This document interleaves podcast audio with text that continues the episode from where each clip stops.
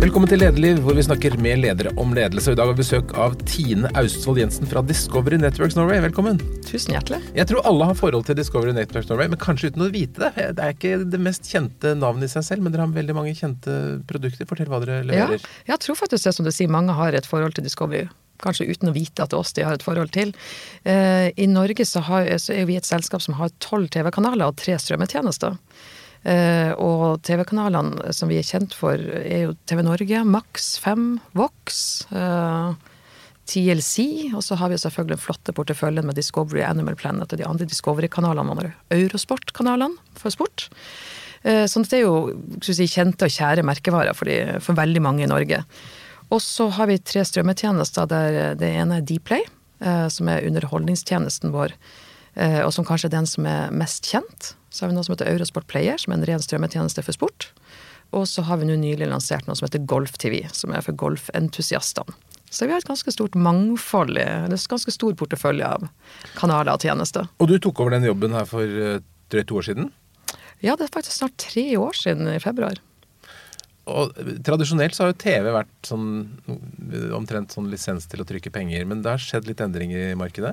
Det har skjedd veldig store endringer i løpet av de siste altså TV-bransjen er jo en bransje som alltid har ligget ganske sterk endring. og Det, det er liksom viktig å huske når vi, når vi snakker om hvor TV-bransjen er nå. Men spesielt de siste årene så har det jo vært en voldsom endring, som selvfølgelig har skjedd pga. teknologisk eh, utvikling. Altså I Norge så har vi en bredbåndspenetrasjon på faktisk rundt 94 i dag. Eh, og eh, vi har vært et veldig, det vi kaller et ganske sofistikert betal-TV-marked. Altså det norske husholdet har, har hatt et ganske høyt konsum av TV-tjenester tradisjonelt. Eh, og så har vi da sånn at Det har vært på et vis et marked som har vokst jevnt og trutt i mange år. Vi har fått flere og flere lokale, norske, gode TV-kanaler.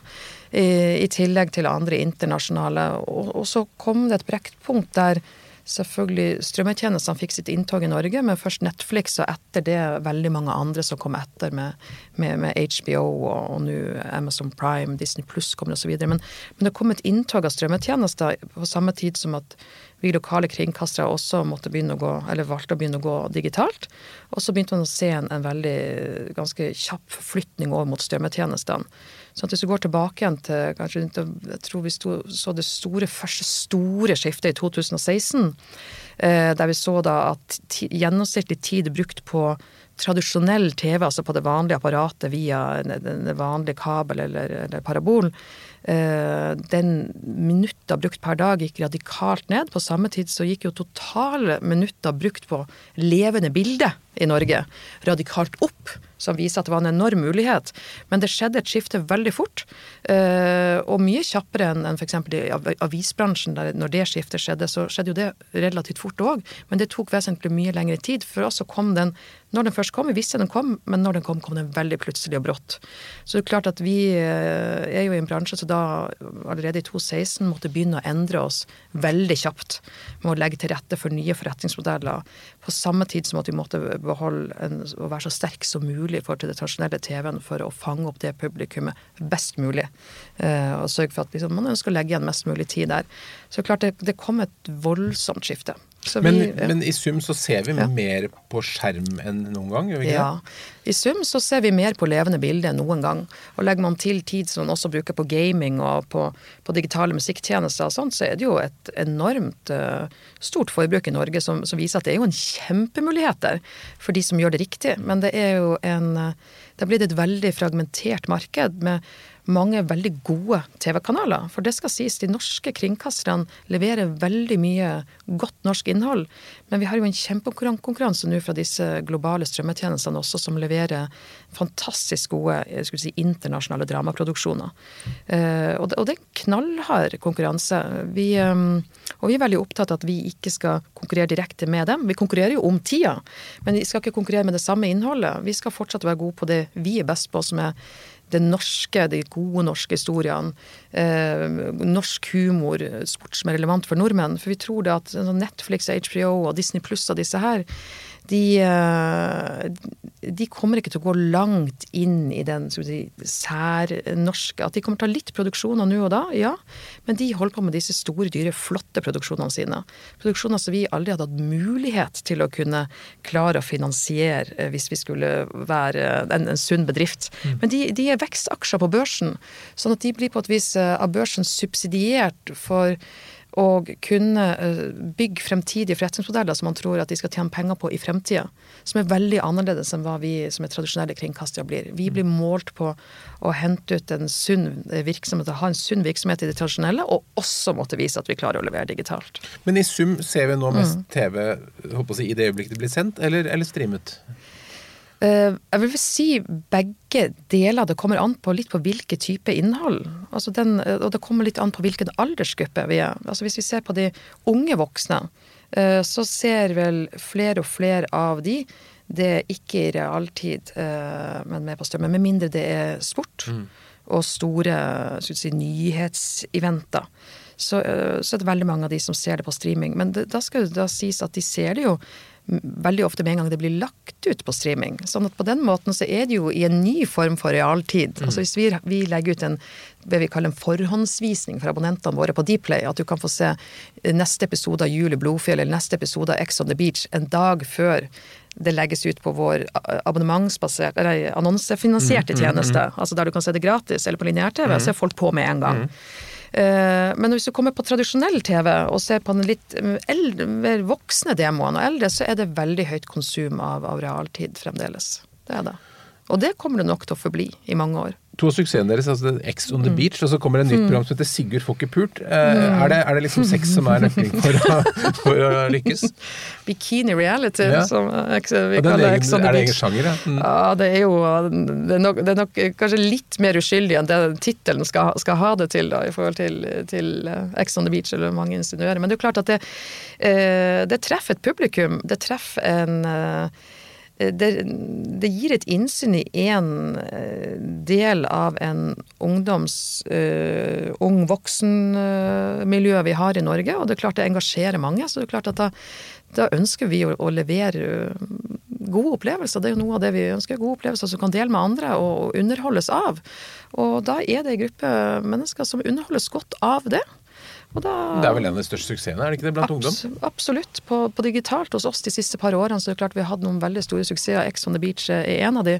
Eh, nå har vi noe som heter X and the City, som er liksom følger deltakerne etter de har kommet hjem til Oslo. Eller eh, de byene de bor i i Norge, men, men det tas opp i Oslo. Så følger de litt mer sånn behind the scenes her og, og Eh, som også blir en kjempehit. Vi har Hvite gutter, som er på et vis den neste generasjon av si, norske skuespillere og uh, komikere. De, de, har kommet med ideen selv, de skripta det selv. Det har blitt en kjempehit. Uh, Sigurd Fokke-Pult som kommer til neste år også, er jo litt sånn Det er jo en litt annen sjanger, men det er jo innafor den humoren likevel. Og det er et ung, ungt voksen kjempetalent som, som har tatt fram ideen. Så klart at um, vi, vi, prøver jo å treffe den målgruppa mm. som også skal være liksom, morgendagens betalere. Eller de og humor er ganske mye av hos dere? Ja, ja, mye humor. Det var noe vi valgte hvis vi går ca. ti år tilbake igjen, og det, og det var ganske knallhard konkurranse mellom de lokale kringkasterne. Eh, og TV 2 var veldig mye større enn oss på det tidspunktet. Eh, så så vi på liksom, hvor kan vi ta en posisjon, hvor er det en posisjon i, i det norske si, mediemangfoldet, og så det at det må gå veldig tydelig inn i norsk humor og få med oss norske humortalenter, bygge en kobling mellom eh, det vi kaller scene og skjerm. Eh, der kunne vi ta en posisjon, og det gjorde vi og jobba veldig jevnt og trutt med det i mange år. Det tok oss mange år å bygge opp posisjonen, men uh, fremdeles i dag når vi gjør våre kvartalsvise undersøkelser, så rater vi på den som på et vis kommer ut som, som best på, på, humor, da. Mm. For oss seere så er det jo stas at det kommer mange valg, men, men, for dere som da skal selge reklame, mm. så er det jo mye flere flater reklamerer på. Så har du fått konkurranse fra Facebook og Google og ja. Snap og alle mulige andre ting i tillegg. Ja. Altså hvordan har, har, det gått med reklameinntektene deres? Ja, eh, Relativt så går det jo fremdeles bra med reklameinntektene i TV-bransjen. Det er jo klart at etter hvert som eh, seing på den tradisjonelle, lineære TV-en går ned, altså antall minutter går ned per dag, så det er jo klart at da får du jo et litt mindre varelager å selge på. Så kompenseres det uh, naturlig nok med at når du har, sånn som oss, vi selger målgrupper, så kan du ta ut noe mer pris der. Uh, men, men, for oss er det jo viktig å, å, å levere et så bra skulle jeg si, publikum som mulig til annonsørene, som er, som er det annonsørene ønsker å treffe. De ønsker å treffe bredt. De har en del demoer som de veldig klart ønsker å treffe, så viktig for dem. Og vi prøver jo å, å fremdeles dykke det best mulig på tradisjonell TV. Og så er det viktig for oss å levere et godt varelager digitalt nå også. Eh, som vi absolutt gjør med, med sånne digitale hits mm. vi hadde med Ex on the Beach, Hvite gutter, Jule Blodfjell mm. osv. Som treffer en demo som er veldig attraktiv for, for annonsørene. Men det er jo klart det er, mm, det er, det er utfordrende. Vi blir utfordra av Facebook og Google. De har tatt en kjempeposisjon i markedet. Uh, så det er en stor utfordring. På samme tid så er det som så at den uh, effekten vi leverer Eh, for annonsørene er til dels ganske ulik den effekten som leveres av Google og Facebook. Eh, vi er mye mer en, en, en, Vi har en kontekst der vi kan både nå bredt, vi har oppmerksomheten fra forbrukeren lenge. Uh, og, og, en veldig bra kontekst for, for mye god si, brand, branding og bygging av brand. Versus Facebook og Google, som er kanskje mer der og da salgsutløsende. Um, Så du tenker at TV-reklame har noe for seg fortsatt? TV-reklame er fremdeles det mediet som gir den beste effekten for annonsørene som er ute etter å bygge sterke brand. Eh, og bygge store, gode salgskampanjer. Eh, så jeg syns at eh, Og jeg vet at sikkert mange vil være uenige med meg når jeg sier det, men jeg syns det har vært veldig mye fokus på at å, det er så bra at Google og Facebook og disse andre globale kan måle det de gjør. De kan måle, og du vet hvor mange klikk du får, og, hvem det er som klikker på det. Eh, og så har det ikke vært like mye eh, fokus på, syns jeg, eh, men hva er effekten av det? Og når du virkelig ser på effekten av det, så er vi i et helt annet medium i forhold til hvilken effekt de gir enn det Google og Facebook er. Altså de, de, de, gjør ulike oppgaver, og det tror jeg det har vært litt sånn forvirring på de siste par årene. Så har jeg en tro om at det balanserer seg bedre av. Men det er jo klart at Google og Facebook er kjempeflinke. De er veldig bra på personalifisering, de er veldig flinke på å bruke dataene sine. Eh, de ligger i et hestehode foran veldig mange andre aktører. De har en global skala så de kan ta ut på det. Så det er klart at de er en sterk konkurrent og kommer til å bli en sterk konkurrent. Du er jo en del av en, en familie. Discovery har startet mm. i 1985 som en vitenskapskanal mm. og finnes nå i 220 land, har jeg lest meg til. Slash territoria. Ja. territorier. Land eller territorier. Ja. Men, men uh, hvordan er Norge i forhold til resten av verden? Er vi langt fremme? Ja. Vi er det. Og det er jo noe av det som jeg syns er spennende med å ha denne lederjobben. Og det var noe jeg kanskje ikke var like forberedt på når jeg tok over denne jobben for tre år siden. Jeg var veldig forberedt på at vi skulle inn i en voldsom transformasjon, og så min oppgave ble helt annerledes enn min forgjenger. Jeg skulle uh, inn og endre oss fra å være en, blant den altså, nest største kommersielle TV-kanalen til å bli en av de viktigste i fremtida også digitale aktørene i det norske markedet. En, en helt helt annen oppgave. Eh, så jeg var veldig forberedt på at det i seg selv er en tøff lederoppgave å stå i.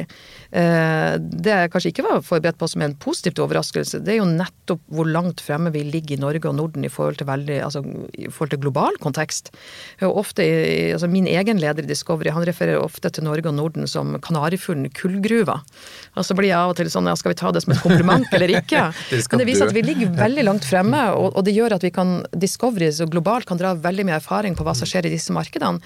Det gir oss også et handlerom til å eksperimentere veldig mye.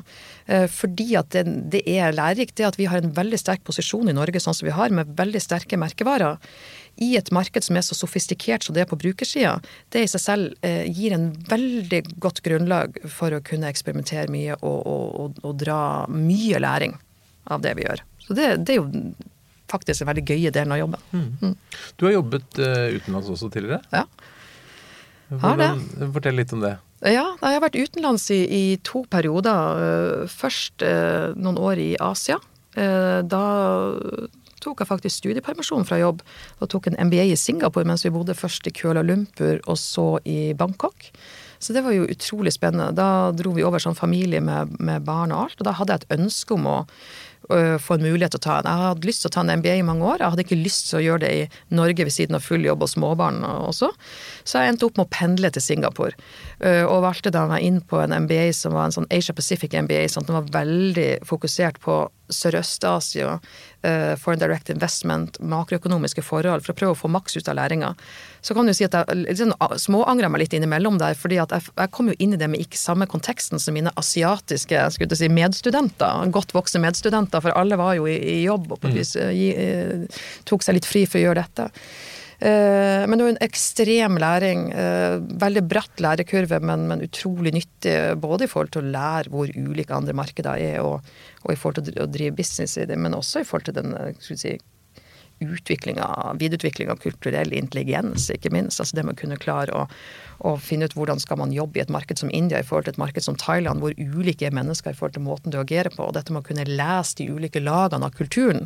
Må vite at det er forskjell på hva, hva en, en, en thailender sier, og hva han faktisk mener.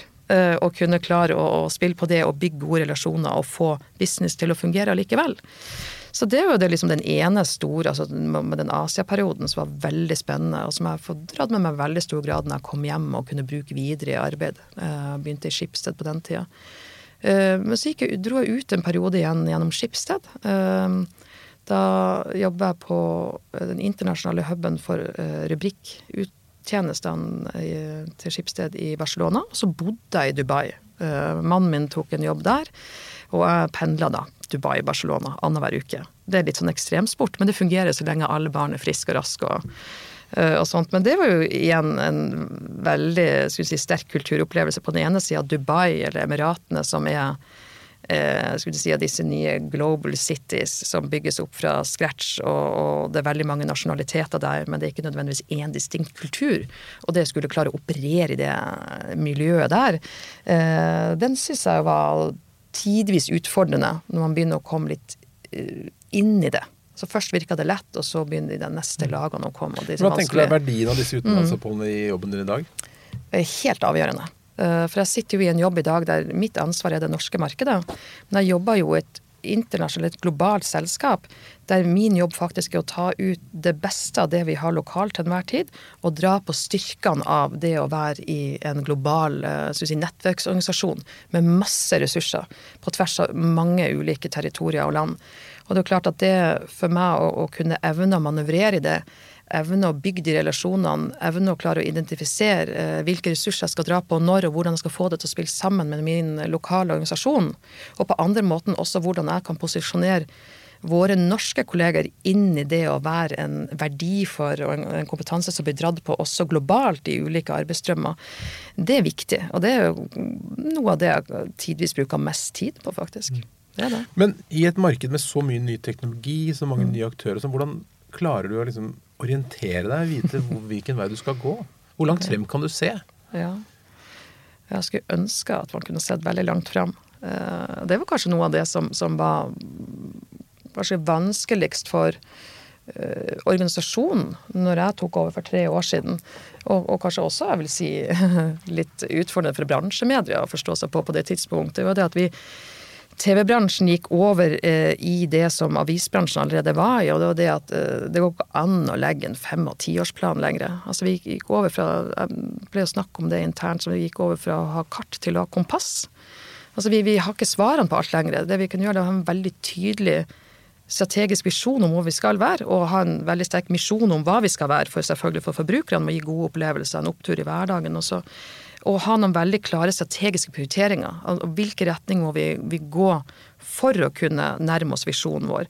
Og det er klart at det, det tidvis, har jo tidvis vært veldig krevende, fordi det er en vanskelig overgang fra å ha et veldig si, veldig sterk forutsigbarhet til at vi nå sier at vi, eh, vi skal dit, men vi må evne å være veldig agile, og vi kan ikke gi alle svarene hele tida. Jeg pleier å si at det er litt som å spille amerikansk fotball.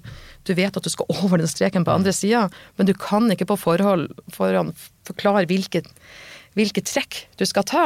Og noen ganger så må du tilbake igjen på banen og spille opp igjen. Eh, og det er klart at det å få alle medarbeidere til å være komfortable med den måten å jobbe på, det, er, det har vært eh, krevende. Og, det, og forståelig nok krevende. For uh, jeg selv har jo gått igjennom en, en fase hvor uh, man aksepterer at sånn er det, og, og, og tør å hoppe ut i det. Mm. Og tør å bare ha tro. Altså det, for det dreier seg jo mye mer om å ha tro på at vi skal kunne klare det, og ha tillit til at uh, vi som leder det, vet hva vi driver på med. Og, og det, det, er jo klart, nå er jo Norge en tillitskultur i seg selv, så det er kanskje relativt lettere i dette landet enn andre land, men, men selv det, det er en vanskelig overgang. Men Du ble jo kastet inn i den jobben fordi ja. forgjengeren din sluttet. Du hadde ikke planlagt kanskje å bli, bli, sjef akkurat da. Hadde du da noen tanker om hvordan du skulle være som leder når du tok over den eh, stolen? Uh, hvis jeg sier nei, så er vel ikke det helt sant. Uh, men, men, jeg tror at tankene mine kanskje mer har dreid seg om at jeg over uh, år som leder har blitt mer og mer trygg på at jeg tror at det viktigste jeg kan bringe til bordet som leder, er å være autentisk men veldig bevisst, men å være autentisk. Eh, og det er være kanskje, deg selv, rett og slett? Ja. ja, være meg selv, og tørre å være meg selv, og mm. tørre å stå i det. Eh, fordi at det kan, eh, det kan, være fristende å ta noen shortcuts på det for å, å vinne kortsiktig tillit, eller kortsiktig omdømme. Uh, og så vil det vise at det kanskje ikke er det riktige på lang sikt. Altså det, jeg vet det er en litt generell måte å si det på, men, men, uh, men for meg så var det å, å, å, For jeg har en sterk tro på at vi skulle få det til, men å bare rett og slett tørre å stå i det og være den jeg er, og snakke på min måte og gjøre tingene på min måte. Jeg har kanskje en mye mer typisk nordisk som fasiliterende lederstil enn en mer sånn hva man kaller det gi direktiver eller, eller veldig tydelig. Ønsker at folk skal finne svaret sammen. Og jeg ønsker også da at alle skal forstå at vi har ikke svaret. Og det kan være veldig ukomfortabelt. Det er jo klart at i starten, før folk blir, da, blir kjent med meg som leder, så kan det jo kunne det jo lett sikkert bli sånn at mange tenkte men vet du hva hun driver på med? Men i all verden. Men hvorfor spør hun meg? Hun burde jo heller fortelle meg det.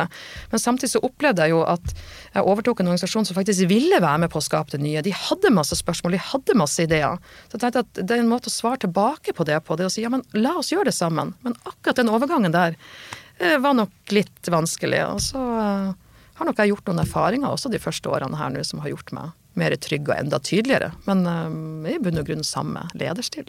Ja, for du, Med alle eksterne endringene, mm. var det mye du måtte forandre internt i organisasjonen? Ja, har du vi, gjort mye endringer de siste årene? Vi har gjort mye endringer de siste årene. Og det dreier seg jo om at vi må, når vi skal når vi driver lineære TV-kanaler, vi har gått fra å være et TV-hus som hadde én TV-kanal til plutselig ha tolv, så var jo det i seg selv et kjempestort skifte. Vi har gått til å drive på med bare underholdning til å drive på med underholdning og sport. Vi lanserte sport eh, som all masse som cirka overtok på ca. samme tid. Eh, så, så, er jo det et helt nytt ben, et mye mer redaksjonelt ben enn det vi, vi, vi var vant med, altså i sånn dag-til-dag-arbeid og sånt. Så det krevde jo en veldig ny måte å jobbe på. Men den største endringa er jo det at når du også skal drive strømmetjeneste, så er det et helt annen, helt annen disiplin. Det er liksom som man sier, det å, drive på med å, å, å være flink og gå langrenn, så skal du plutselig bli, være med i VM i snowboarding. Uh, og så skal du klare det over natta. Uh, det er to veldig ulike disipliner, og det er jo klart at mye kan vi klare å, å, å endre oss selv og, og upskille oss selv til å få til det, men, men i veldig stor grad så, så innenfor så trengte vi også ny, ny, kompetanse, altså spisskompetanse innenfor en del områder, både på sport og digitalt, som vi ikke hadde på huset. Og det er klart at den måtte vi bygge opp for å få det til. Og det med å bygge opp forretningsmodeller som driver strømmetjenester med noe helt annet. Plutselig skal du drive kundeservice, og skal du drive CRM-arbeid, og skal du drive en haug med ting som vi ikke hadde gjort før. Eh, så det krevde endring, og det krevde også at for å kunne klare å få til det, så må du frigjøre midler. Du må frigjøre midler fra, fra si, mer den tradisjonelle delen av virksomheten, som på det tidspunktet fremdeles var 98 av inntektsgrunnlaget vårt, for å løfte over til å investere i ny kompetanse, eh, utvikling av digitale plattformer eh, og annet. Mm. Og det er klart at det, det er tøffe grep. Vi var vel jeg, jeg, jeg pleier å si internt at vi var det første TV-huset som begynte å ta de radikale grepene. Altså vi ble tvunget til Ofte sier man at en nødvendighet bringer mye endring og kreative ideer.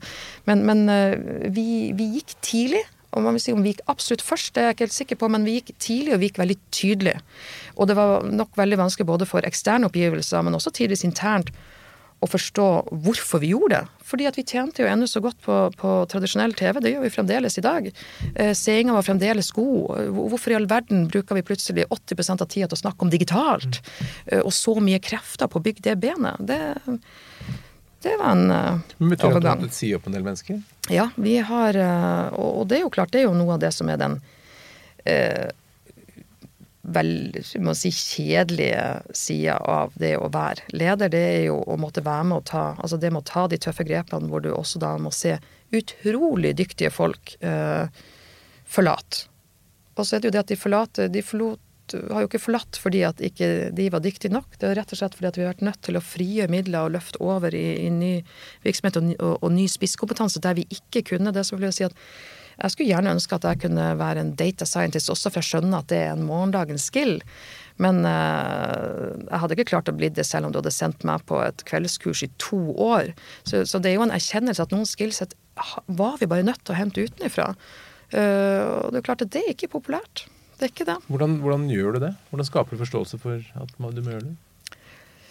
Jeg ønsker at jeg hadde det endelige svaret på hvordan man gjør det perfekt. For det, jeg tror ikke det finnes noen perfekt måte å gjøre det på. Eh, jeg har forsøkt sammen med min ledergruppe å jobbe med åpenhet. Men med åpenhet så skaper man jo noen ganger mer usikkerhet. Nettopp for at du forteller om det usikre. Du forteller at ja, nå gjør vi disse grepene, vi vet ikke om det er de siste. Vi, vi, men vi, vet at det er i riktig retning, men så kan vi gjøre noen læringer som viser at vi har gått for langt og vi må gå tilbake igjen. Så vi har jobba mye med, med, åpenhet. Uh, vi har prøvd å være så transparent som mulig der vi kan være. Og det får man jo alltid kritikk for å ikke være nok transparent, og det har jeg forståelse for.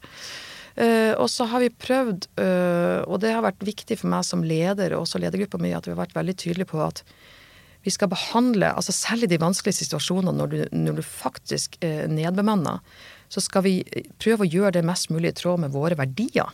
Eh, og det er en vanskelig øvelse. Det er mye enklere å leve opp til verdiene når du er i medgang og det er det kule som skjer, men det å si hvordan lever vi opp til våre grunnverdier i denne prosessen, når vi faktisk er noen som må forlate selskapet, og prøve å si til oss selv at det skal vi klare å gjøre. Altså vi skal kunne se på det med på en form for stolthet etterpå. Mm. At vi har klart å gjøre det så bra som mulig. Har du som formulert eh, verdisett? Kjerneverdier? Ja, vi er jo Hos oss så, så, vært, så, er vi veldig opptatt av dette med at vi skal være real. Uh, og og så har vi den andre verdier som kanskje er mer knytta mot det som går på innovasjon, altså nyskapen og, og, og, lekende. Men dette må være real, som en av grunnverdiene våre. Det er så viktig, og nå også One Team, som vi, som vi også kaller det nå i, i den litt mer oppdaterte versjonen vår akkurat nå, da. Men det som inngår i det å være real og det å være ett team, altså hva, hva ligger i det? Eh, det er det vi har prøvd å utøve i, i også de vanskelige periodene. Det det. De folka du da har mm. tatt inn, det er jo mm. sånne folk som alle vil ha. Sånne unge, superflinke digitalhoder. Mm. Hva gjør du for å være attraktiv for dem? Ja, der prøver vi jo også igjen å altså, Discovery er et veldig attraktivt altså TV-bransjen i seg selv uh, er, er, ekstremt attraktiv. Det er jo antagelig den bransjen i Norge som er mest disrupta om dagen. Uh, og det å få lov til å jobbe i en bransje hvor du kan få være med på å forme fremtida og se hva som skjer rundt neste hjørne. Se hva blir det nye nye i TV-bransjen? Hva er det for noe der framme? Det i seg selv er jo utrolig spennende og en ekstremt god kompetanse for veldig mange unge å få med seg. Eh, og kunne bruke videre i karrieren sin senere. Så det er jo det ene. Det andre for oss er jo den globale scalen vi har i forhold til spesielt de som jobber med plattformutvikling og produktutvikling og det tekniske. Dette med at de kan ta del av et globalt miljø som jobber med det. Nå har Deeply, som vi har bygd, en plattform vi har brukt i Norden, har jo nå blitt den globale standarden for Discovery. Og jeg tror vi nå har noe sånn som 250 personer sittende på bare ren teknologiplattformutvikling på den. Og det å få lov til å være del av et sånt miljø, er jo fantastisk. Og det å også kunne komme inn og jobbe i det, og, og, den ene dagen så kommer du inn og har ansvar for noe i Norge, og den neste dagen så har du fått et globalt ansvar. Altså Den muligheten i seg selv den finner du ikke i så mange selskaper i Norge. Og den, er, den har mye verdi. Mm. Og vi har medarbeidere hos oss som eh, f.eks. jobber på Dplay, ansvarlig for, for kundeservice for Norden, som nå uh, har fått globalt ansvar. Ansvarlig for operations for Dplay, som har fått et globalt ansvar. Uh, og det må kunne være i et selskap for de mulighetene. Det, det er ikke så hypp det skjer ikke så ofte i Norge. Mm. Men det å da være innovativ og gå foran med ny mm. teknologi, sånn, det også, ja. gir også noen muligheter for å tråkke feil. Har dere dummet dere ut noen steder? Ja, vi har absolutt dumme, absolutt dumme oss ut. Skulle ønske jeg kunne si nei, men, nei, men det er jo det. Og, og sånn har TV-bransjen alltid vært. TV-bransjen har jo vært en bransje som er, lever av kreativitet, lever av nyskapning. Sånn at det er jo en bransje som i seg selv har i DNA-et sitt å hele tida fornye seg. Eh, men så er det klart at det har jo alltid vært sånn i alle år når man jobber med TV-produksjoner, at du må gjøre noen bets, og, og, mange går inn, og noen går ikke inn. Sånn er det å jobbe med, med en, en, blanding av art and science. For at selv med så mye data som vi har fått i dag, så kan vi jo predikere mer og mer hva forbruker vil ha, men du må jo ha en grad av nyvinning i det, og da må du tørre å ta noen bets. Så det er jo klart at uh, vi må, som vi sier, vi må tåle en real fuck-up innimellom. Vi hadde blant annet uh, for tre år siden så på med et program vi hadde kjempetro på, som heter Lost in Time, der vi skulle liksom koble et kjempefancy TV-program, litt futuristisk, med, med, en kjempekul app og noe spill. Og ideen var jo kjempebra, uh, men teknologien jobba ikke med oss den uka vi skulle lansere det. Så selv om teknologien var oppe og gikk igjen noen dager etterpå, så var liksom muligheten gått fra oss. Uh, og så kan vi se tilbake på det og si åh, hvorfor vi burde ha sjekka den og den uh, tingen i forhold til hvor mange som kunne gå inn og registrere seg på samme tid, for det var liksom så banalt. Det var ikke selve appen i seg selv, det var hvor mange kan komme inn inngangsdøra samtidig. Det var det som feila. Så kan vi si ok, det vi har lært mye av det, men vi torde å prøve. Og det er det vi må, må tørre å fortsette å gjøre. Uh, så vi Man må ha en viss grad av gambling også uh, med seg for å kunne lykkes i framtida. Hva tenker du at andre virksomheter har å lære av bransjen og, og mm. dere når det gjelder endring? Det å mm. liksom klare å få til endring? Jeg tror at, For vi hadde jo det privilegiet igjen at vi kunne se på mye av det avisbransjen hadde gjort. ikke sant? Sånn at uh, eh, Iallfall for oss i Discovery så valgte vi å gå tidlig inn i transformasjon.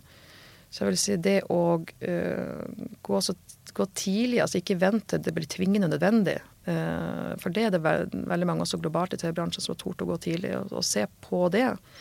Eh, hos oss er det en annen ting som jeg tror mange kan lære av, som er litt sånn indremedisin for oss. Det er at vi har valgt å ikke ha ett digitalt team og et lineært team. Eh, vi har valgt eh, i Norge å si at eh, det digitale det skal inn altså Vi har gått fra det vi kaller tradisjonelt lineært DNA til et digitalt DNA. Sånn at digital kompetanse sitter ute i alle avdelinger hos oss. og så er det noen som er rene digitale spesialister. Andre jobber 80% av dagen sin med digitalt, noen jobber 10% av dagen sin, men alle har hånda på rattet. Eh, og det har jeg en sterk tro på at det er en måte hvis det skal være en fremtidens arbeidsplass, å være arbeidsplassen du snakker om i morgen og har lyst til å komme mm, til, mm. så det er veldig viktig at man skal gi organisasjonen mulighet til å være med på det nye også. Jeg tror det skaper også veldig mye energi i hvordan vi optimaliserer den tradisjonelle delen av virksomheten. For at vi er avhengig av masse nyskapning der også for å optimalisere lineær-TV i mange år. Men for å få den energien, så tror jeg at man må få liksom hele laget for, må få lov til å være med på Eh, å nå den eh, nye visjonen vår. Mm. Så der tror jeg, altså hvis det er noe man kan få lære fra Discovery, så tror jeg at det er det. Hva er visjonen mm. deres? Eh, vi har en veldig klar visjon om eh, hvor sterkt vi skal bli digitalt mm. i løpet av veldig få år. Uh, uten å gå helt inn på eksakt hva den er. Så det er en veldig tydelig visjon vi har. Altså vi, være, vi, har et ønske om å være like sterke innenfor det digitale som det vi har vært og fremdeles er innenfor den tradisjonelle TV-sektoren. Mm. Og det er en veldig aggressiv ambisjon, for innenfor det digitale så er det liksom så vi konkurrerer med veldig mange andre. Vi konkurrerer med de store globale Disney Pluss som kommer. Disney Pluss fikk ti millioner mm. subscribers over natta i USA.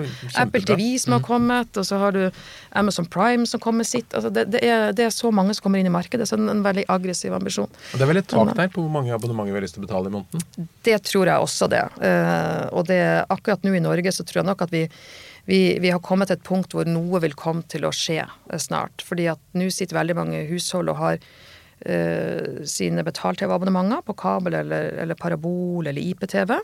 Uh, flotte, store TV-pakker. Og også i tillegg så har de nok abonnert på noen strømmetjenester. Og så har de litt Spotify for mm. seg selv og kidsa. og ja, noen lyd, lydbokabonnement og sånt. Og jeg tror at det kommer en sånn det man kaller en, en tretthet på det, en subscription fatigue, hvor husholdene på et vis begynner å konsolidere seg selv og sitt eget mediekonsum.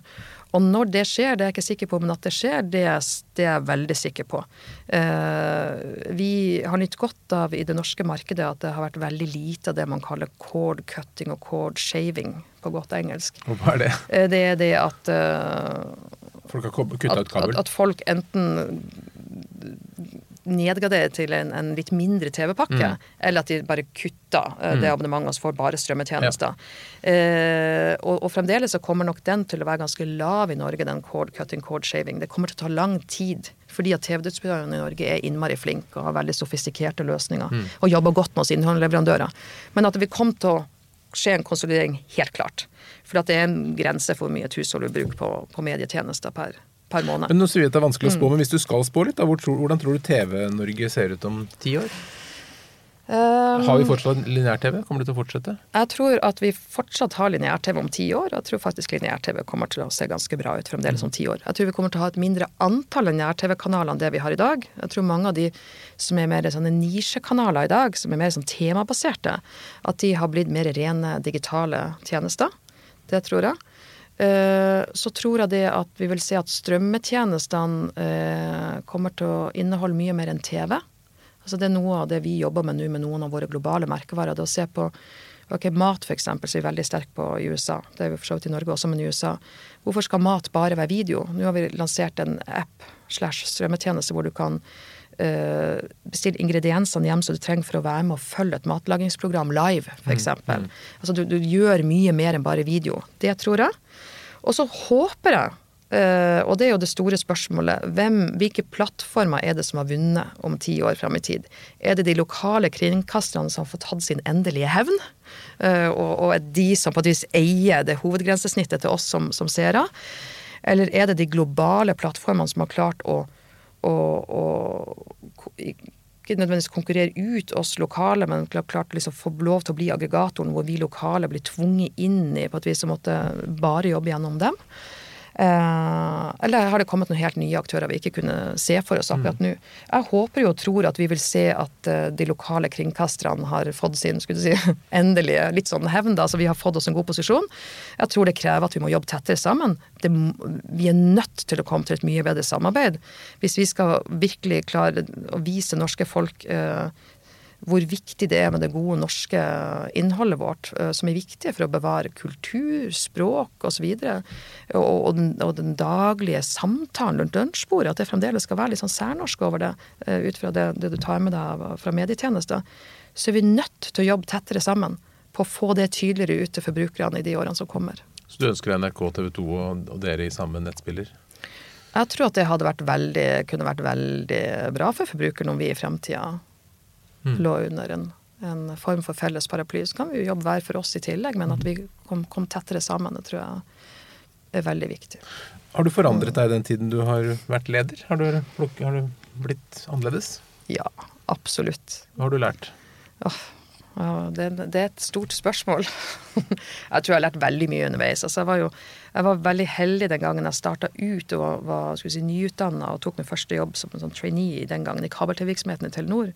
Jeg jobba med en veldig flott leder som jeg kunne lære veldig mye av, som var veldig opptatt av eh, strategi, veldig opptatt av hvordan få med seg organisasjonen, implementere det gjennom organisasjonen, og samtidig var veldig kommersiell.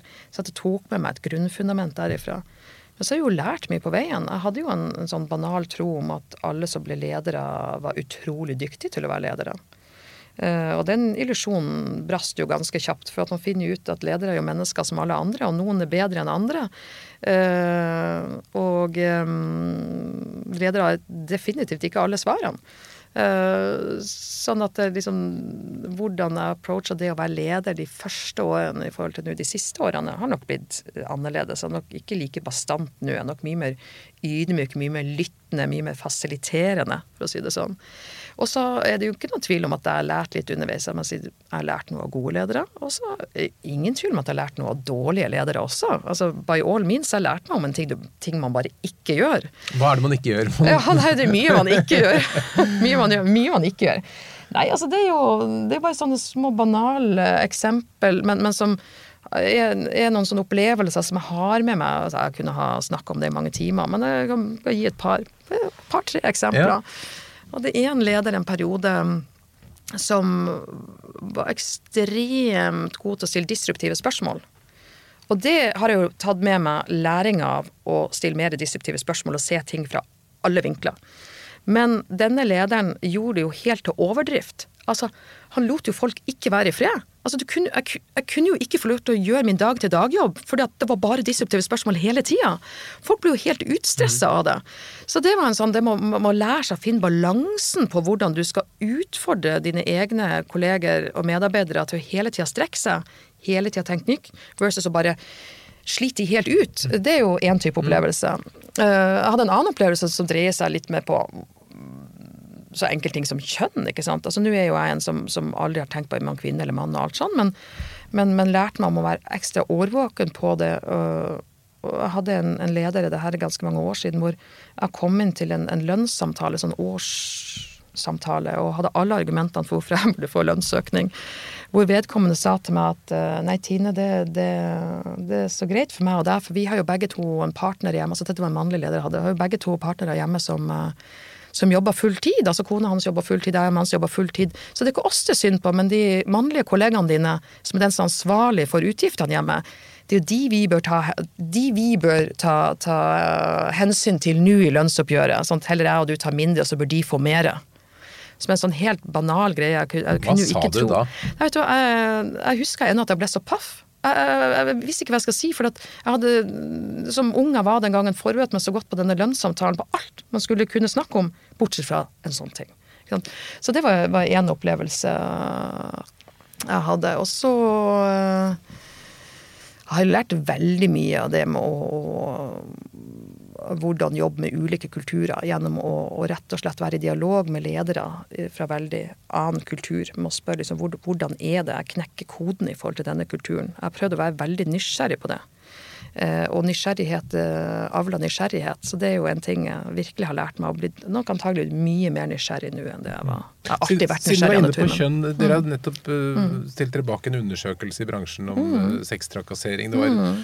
gjorde det for noen år siden. Det var det noen få, eller ganske, det var ikke så veldig mange, men det var noen prosent som følte seg trakassert. Altfor mange, selvfølgelig. Mm. Tror, du det fortsatt, tror du det har skjedd noe de siste årene? Det er en fallitterklæring hvis det ikke har skjedd noe de siste årene. Eh, i bransjen vår. Jeg tror det har skjedd mye. Jeg tror det har blitt uh, mye mer aktiv del av dialogen. Jeg tror de fleste generelt har blitt mye mer bevisst. Det skal sies at hos oss og i vårt hus så opplever jeg at vi har, har, har det uh, sunt og bra, og også har hatt det sunt og bra. Det betyr ikke at vi ikke kan ha ting som jeg ikke vet om, for å si det sånn, og at ikke vi ønsker han hele tida uh, ligger på hugget på det. Vi har jo også en, både en ledergruppe og en mellomledergruppe hvor 50 er kvinner. Vi, vi, det i seg selv gjør noe, tror jeg, med kulturen. Så sånn sett for, for, for meg akkurat internt hos oss, så, så um, tror jeg nok vi, vi, er greit stilt. Men jeg tenker mediebransjen som sådan, eller alle bransjer som sådan, etter at uh, metoo fikk fokus og, og man fått en aktiv dialog på det, og hatt et, et, til dels oppgjør med det mange plasser, eh, håper jeg har bidratt til, uh, til noe. Fordi at jeg var overhodet ikke altså når den kom, Jeg var jo, opplevde noen ting i løpet av de årene jeg jobba som har vært litt sånn åh, man kan føle litt kjønnsdiskriminerende her og der. Men jeg har nok ikke vært i nærheten av å verken se eller være bevisst hva mange andre har opplevd. Og det har vært en, en vekker for meg som leder. Det har det absolutt vært. Mm. Hvis det kommer en ung uh, gutt eller jente til deg og spør jeg skal bli som deg, Tine. Jeg skal bli, bli en god leder. Hvilke tre råd vil du gi? Vil de bli som meg, da? Vær deg selv, er vel det første rådet jeg ville gitt. Mm. Ikke bli som meg, vær deg selv. Uh, jeg tror Altså, tenker på en som har lyst til å bli leder sånn som meg og komme etter. Uh, jeg tror jeg ville gitt uh, råd om å men det blir jo litt sånn subjektivt fra min del. Jeg har jo valgt å gå en vei med å få meg veldig bred erfaring. Altså, jeg har, jeg har jobba på tvers av veldig ulike virksomheter, på tvers av veldig ulike fagområder. Så jeg har jo valgt å gå den breddeveien.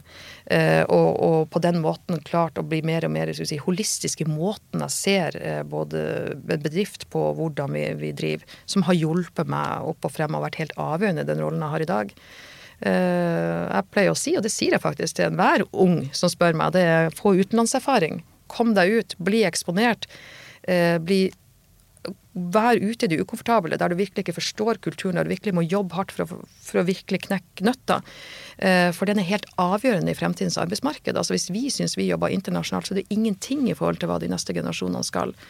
Hardt arbeid. Vær villig til å jobbe hardt. Det er veldig, altså Noen er veldig heldige og finner en shortcut her og der og, og har flaks, men, men, det med hardt arbeid, altså det er som å bli flink i enhver idrettsgren. Det er den 10 000-timersregelen. Du må være villig til å legge inn det ekstra i forhold til andre hele veien.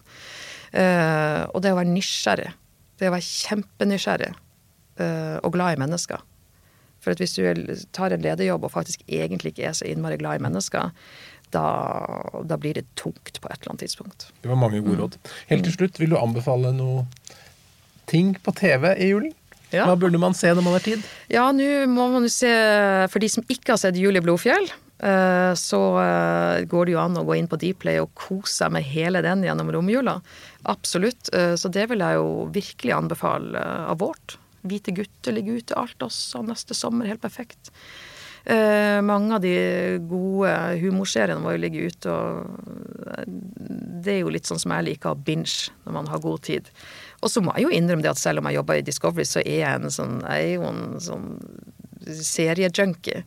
Eh, det er jo noen flotte serier på Netflix og HBO og Amazon Prime. Og nå har jeg sett The Morning Show, som ligger på, på Apple TV Pluss. Elsker den. Succession, som ligger det er vel på HBO. Elsker den. Fleabag på Amazon Prime, by all means. Kjempeflott. The Crown. Det er jo Nei. Det er så mye Det er virkelig mye flott å se. Det er um, Så man skal ikke kjede seg et sekund i jula hvis man ikke absolutt bestemmer seg for å kjede seg.